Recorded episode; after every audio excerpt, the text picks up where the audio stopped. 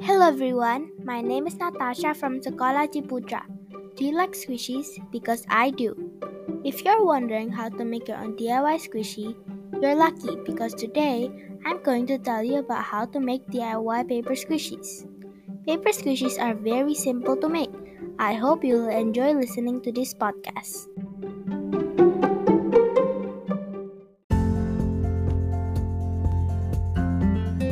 The materials you're going to need are any color paper, tape, cotton or pillow filling, scissors, and pencils, markers, or color pencils to draw the design.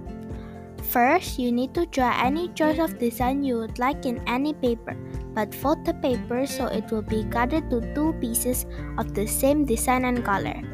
For example, emoji faces or foods. Next, you need to tape both the design papers separately so it won't be easily ripped and is laminated.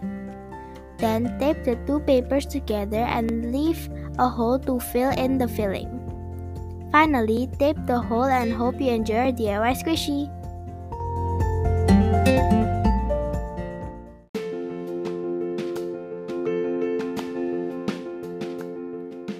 For listening to today's podcast. The message of this podcast is you don't need to buy it, just DIY it.